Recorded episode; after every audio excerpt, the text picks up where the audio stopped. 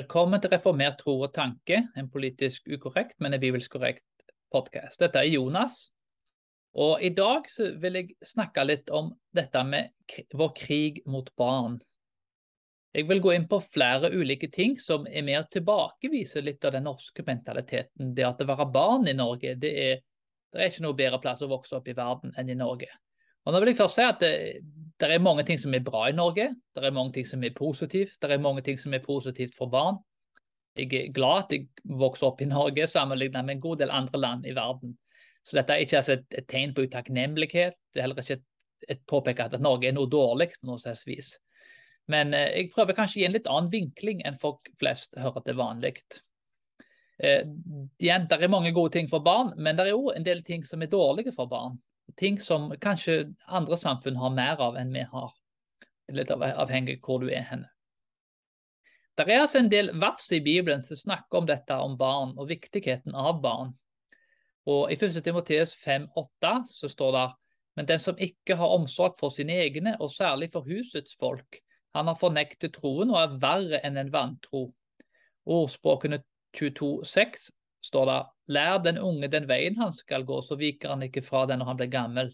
Efeserbrevet 6,4. Og dere fedre, vekk ikke sinne hos dere barn, men oppdra dem med Herrens tukt og formaning.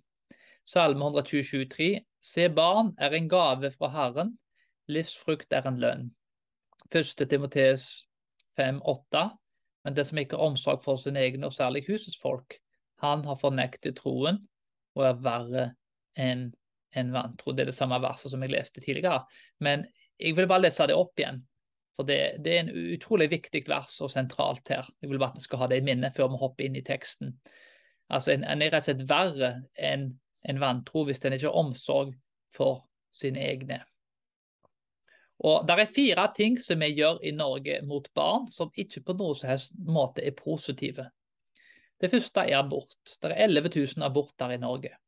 Barn blir bokstavelig talt knust i mors liv fra en ung alder. Dette er ikke bare en lov, men en menneskerett ifølge mange. Det er blitt altså en menneskerett å avlive barn. Det, det er en utrolige ting å tenke på, men uh, hvorfor?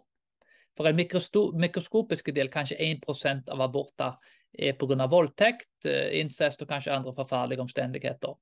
Og dette er altså, Når folk blir adoptert, abortert vekk, så er det ikke pga. Altså det, det, det er en, et unntak, et unikt unntak det er voldtekt involvert. De aller fleste tilfellene handler om at folk ønsker å ha fri sex, både menn og kvinner, vil begå hor uten konsekvenser for seg sjøl. Konsekvensene blir videreført til barnet. Så med andre ord, for grunn av at folk vil ha fri sex, så vil de ha muligheten til å kvitte seg, altså ta et liv. Det er jo ganske utrolige ting å tenke på, men, men altså, en tar et liv for at en da vil ha sex uten konsekvenser. Så sex uten konsekvenser. Altså Seksualitet er blitt så forguda i dagens kultur at det er viktigere enn et menneskeliv. Den tryggeste plassen å være bør jo være i mors liv.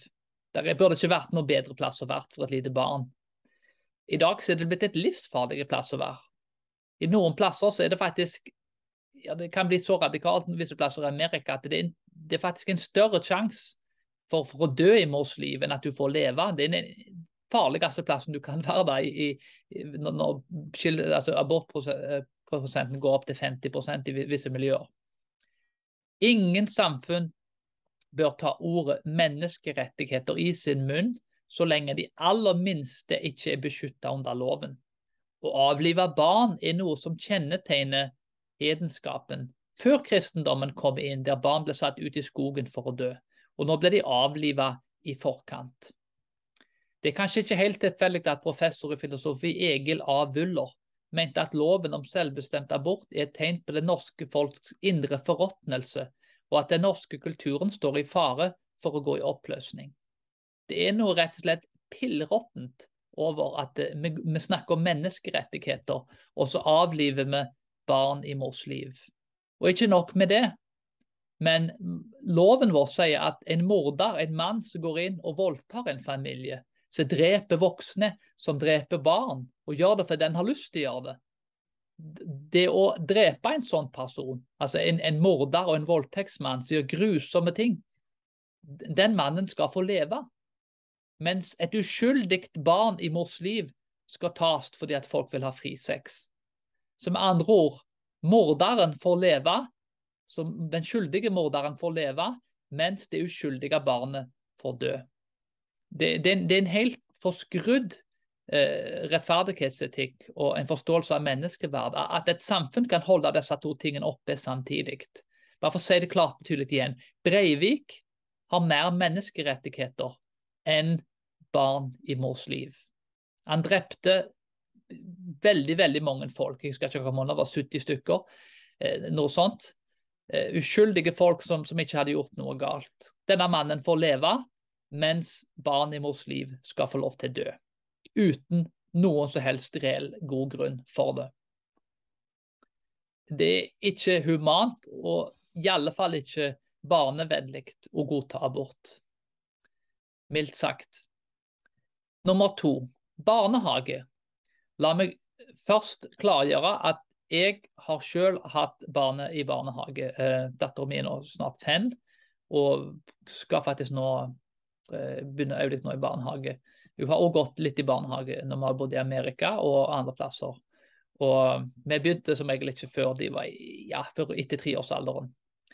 Men eh, jeg har forståelse av at det er nødvendig for noen at det må være to inntekter og I noen tilfeller så er det, er det vanskelig å overleve på en inntekt, spesielt hvis en inntekt er lav. Så Jeg har både sympati og forståelse for at det norske samfunnet er jo ikke bygd opp sånn at en, en person kan være hjemme uten at den ene personen da tjener ekstremt godt. Eh, det bør derimot sies at eh, til tross for det, så er det ting en kan gjøre for å eh, tilrettelegge, sånn at en kan være nærme ungene. Det kan gå inn på det i etterkant. Det bør derimot sies at når jeg snakker om barnehage, så sier jeg ikke at det er galt å gå i barnehage. Men med tanke på ni måneder gamle, eh, altså i forskjell f.eks. For til tre år eller fire år, eller gjerne ett år for den del. Men når et barn er altså, opptil ni måneder gammel til ett år, så bør ikke et barn gå i barnehage. Det er utrolig mye forskning bak disse tingene. Det er forskningsartikler og så vel som bøker som ble blitt skrevet om. Den kjente sekulære forskeren i Amerika, Erika Komisa, som ble brukt på mange amerikanske universiteter, bøkene hennes. Hun skriver en bok om motherhood. Og Der skriver hun at det, mødre bør være hjemme med ungene de tre første årene. Ja, jeg vet det er kjønnsdiskriminerende å si det, men det, det er faktisk sånn at uh, mannfolk kan altså ikke amme barn. Uh, mange ammer iallfall kanskje fram til de to år. da.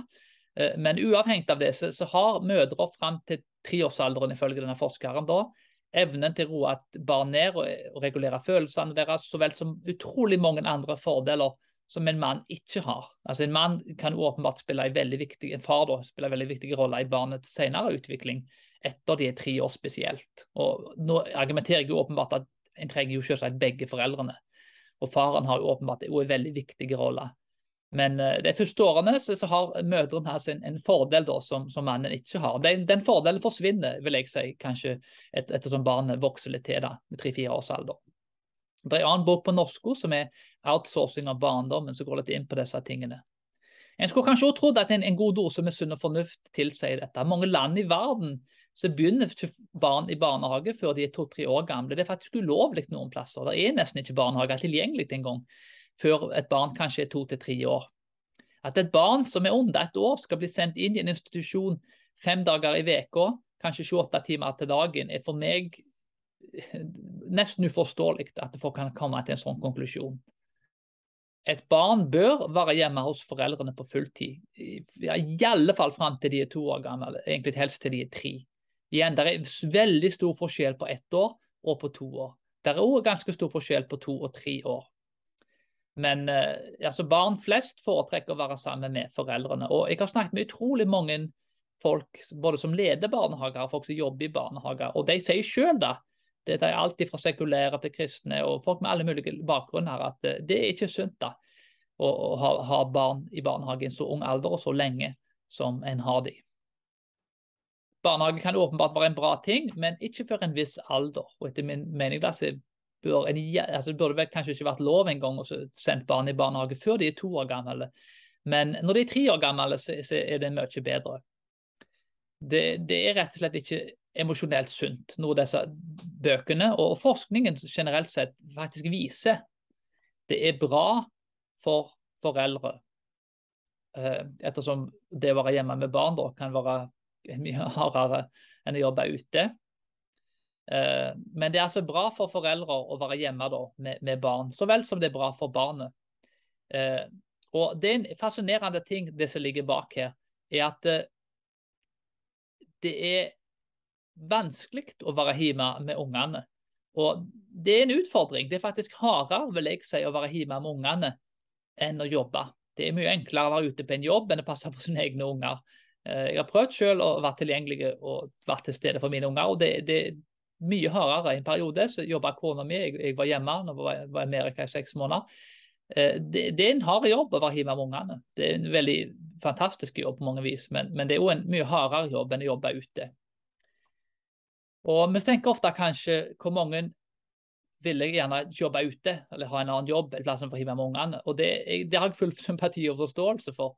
Men samtidig så må en jo innrømme at å ha ungene i barnehage er ikke bra for unger, men det kan være bra for voksne.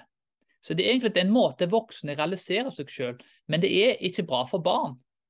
Igjen, følelsene, angst, og mange sier at jo, men det, det har så godt i dag. alt dette her. Unger i dag har store problemer Angstregulering av følelser, aggressivitet. Det er et tonn med problemer som våre forfedre ikke hadde i samme grad.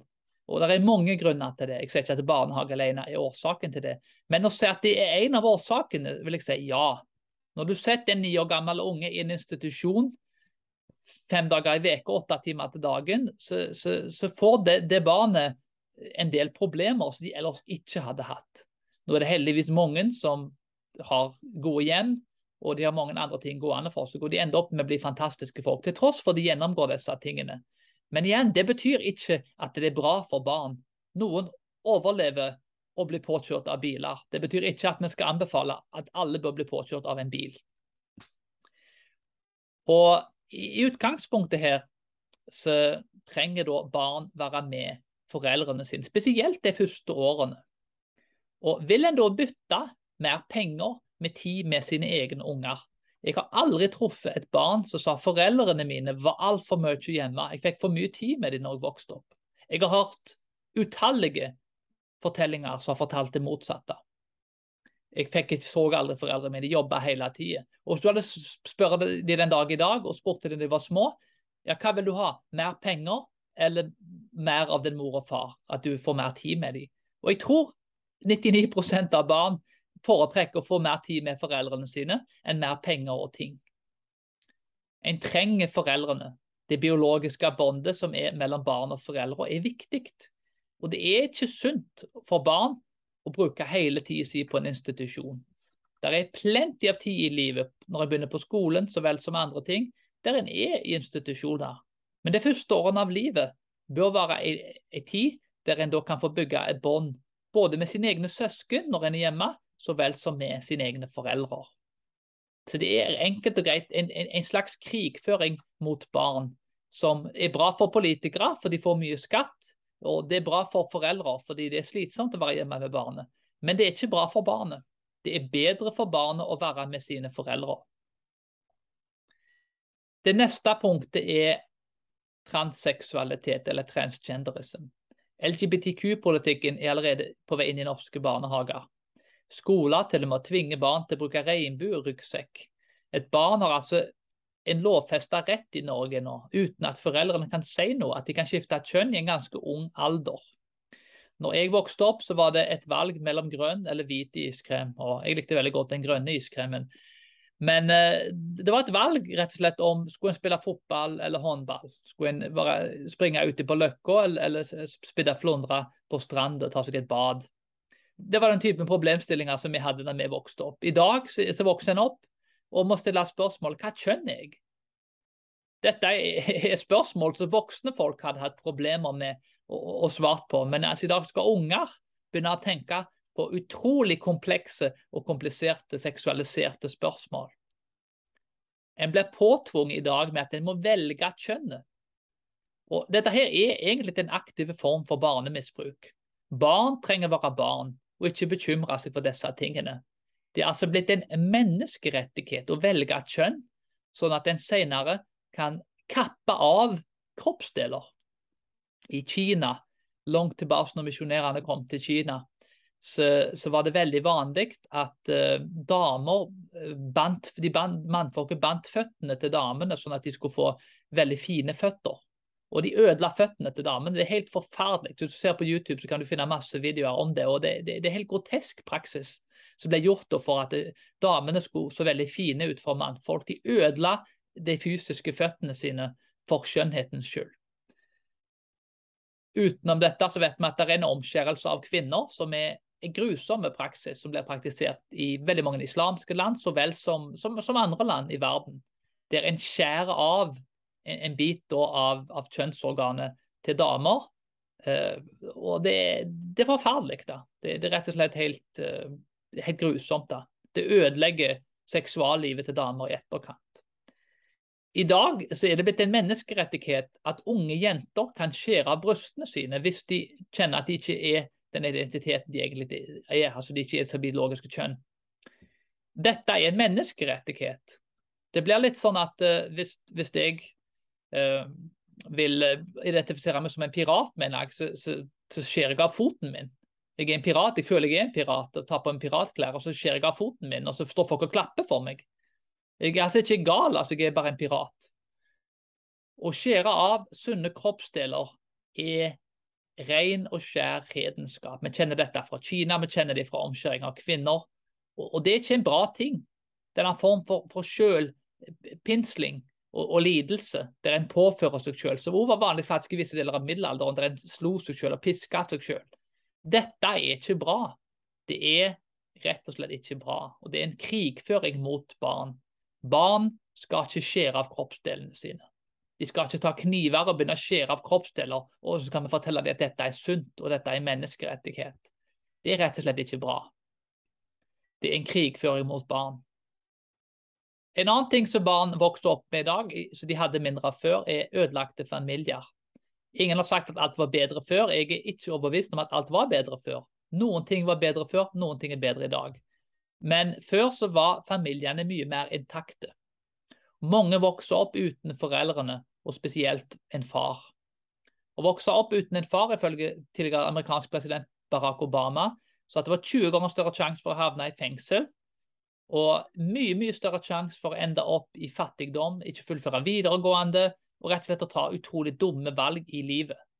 I, eh, folk som ender opp i fengsel, det, jeg tror faktisk det er oppi i 90% som kommer fra farløse hjem. 80-90% og det er en åpenbar kobling. Amerikanerne har forstått dette bedre enn vi.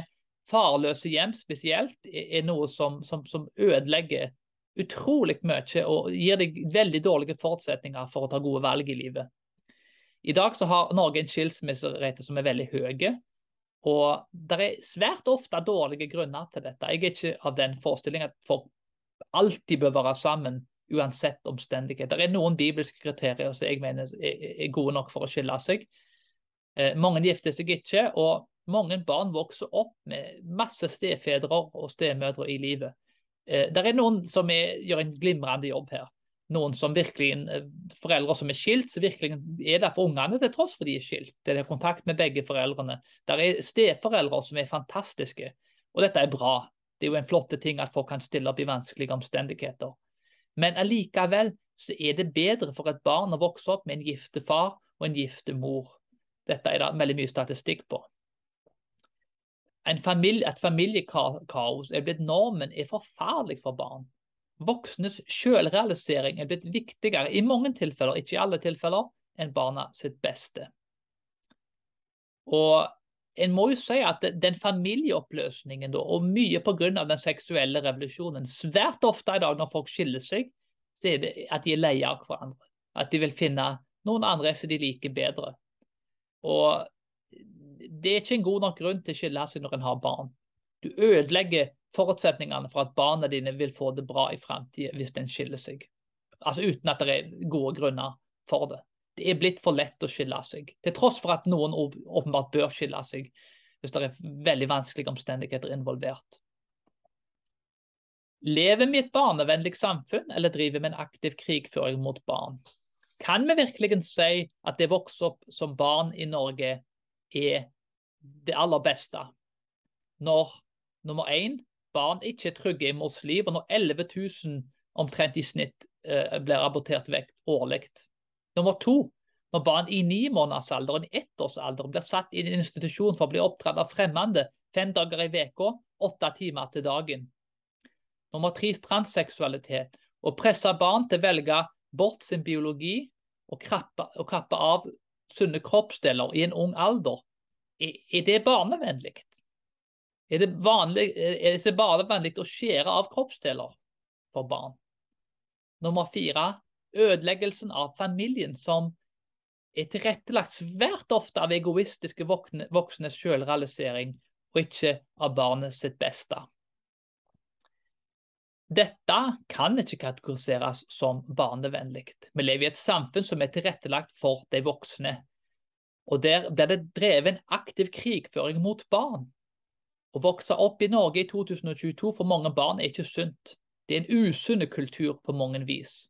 At en har materiell velstand, hjelper lite når resten av disse tingene ikke er på plass. Ja, det er mange gode ting i Norge, men jammen meg er det òg en krigføring mot barn og mange ting som er dårlige. Jeg vil avslutte og si veldig enkelt at om en hører på dette og tenker at det virker veldig fordømmende og veldig hardt, så vil jeg derimot si at det er nåde, det er tilgivelse i Kristus, uavhengig av hva en har gjort i livet. Så om en har vært en del av disse tingene, så, og ikke kanskje ikke gjort de rette tingene, og har omvendt seg, så er det, det er altså nåde og tilgivelse i Kristus. Så det er et godt budskap om at til tross for en kan ha gjort feil, så er det likevel muligheten til å bli gjenopprettet og få et nytt liv og få en ny identitet i Kristus. Vi er frelst av nåde gjennom tro, og han har lagt de ferdiglagte gjerningene foran oss, så vi kan vandre ut i de. Så igjen, uavhengig av hva fortiden vår er, så kan vi ta del i den frelsen som er tilgjengelig i Jesus Kristus. Så det er gode nyheter og det er heller ingen fordømmelse for den som er i Jesus Kristus. Men allikevel, til tross for det er nåde og kjærlighet, så må vi si det som er sant. Vi må påpeke sannheten, uavhengig om man skal være ubehagelige eller ei. Det var alt for i dag. Vi snakkes snart igjen.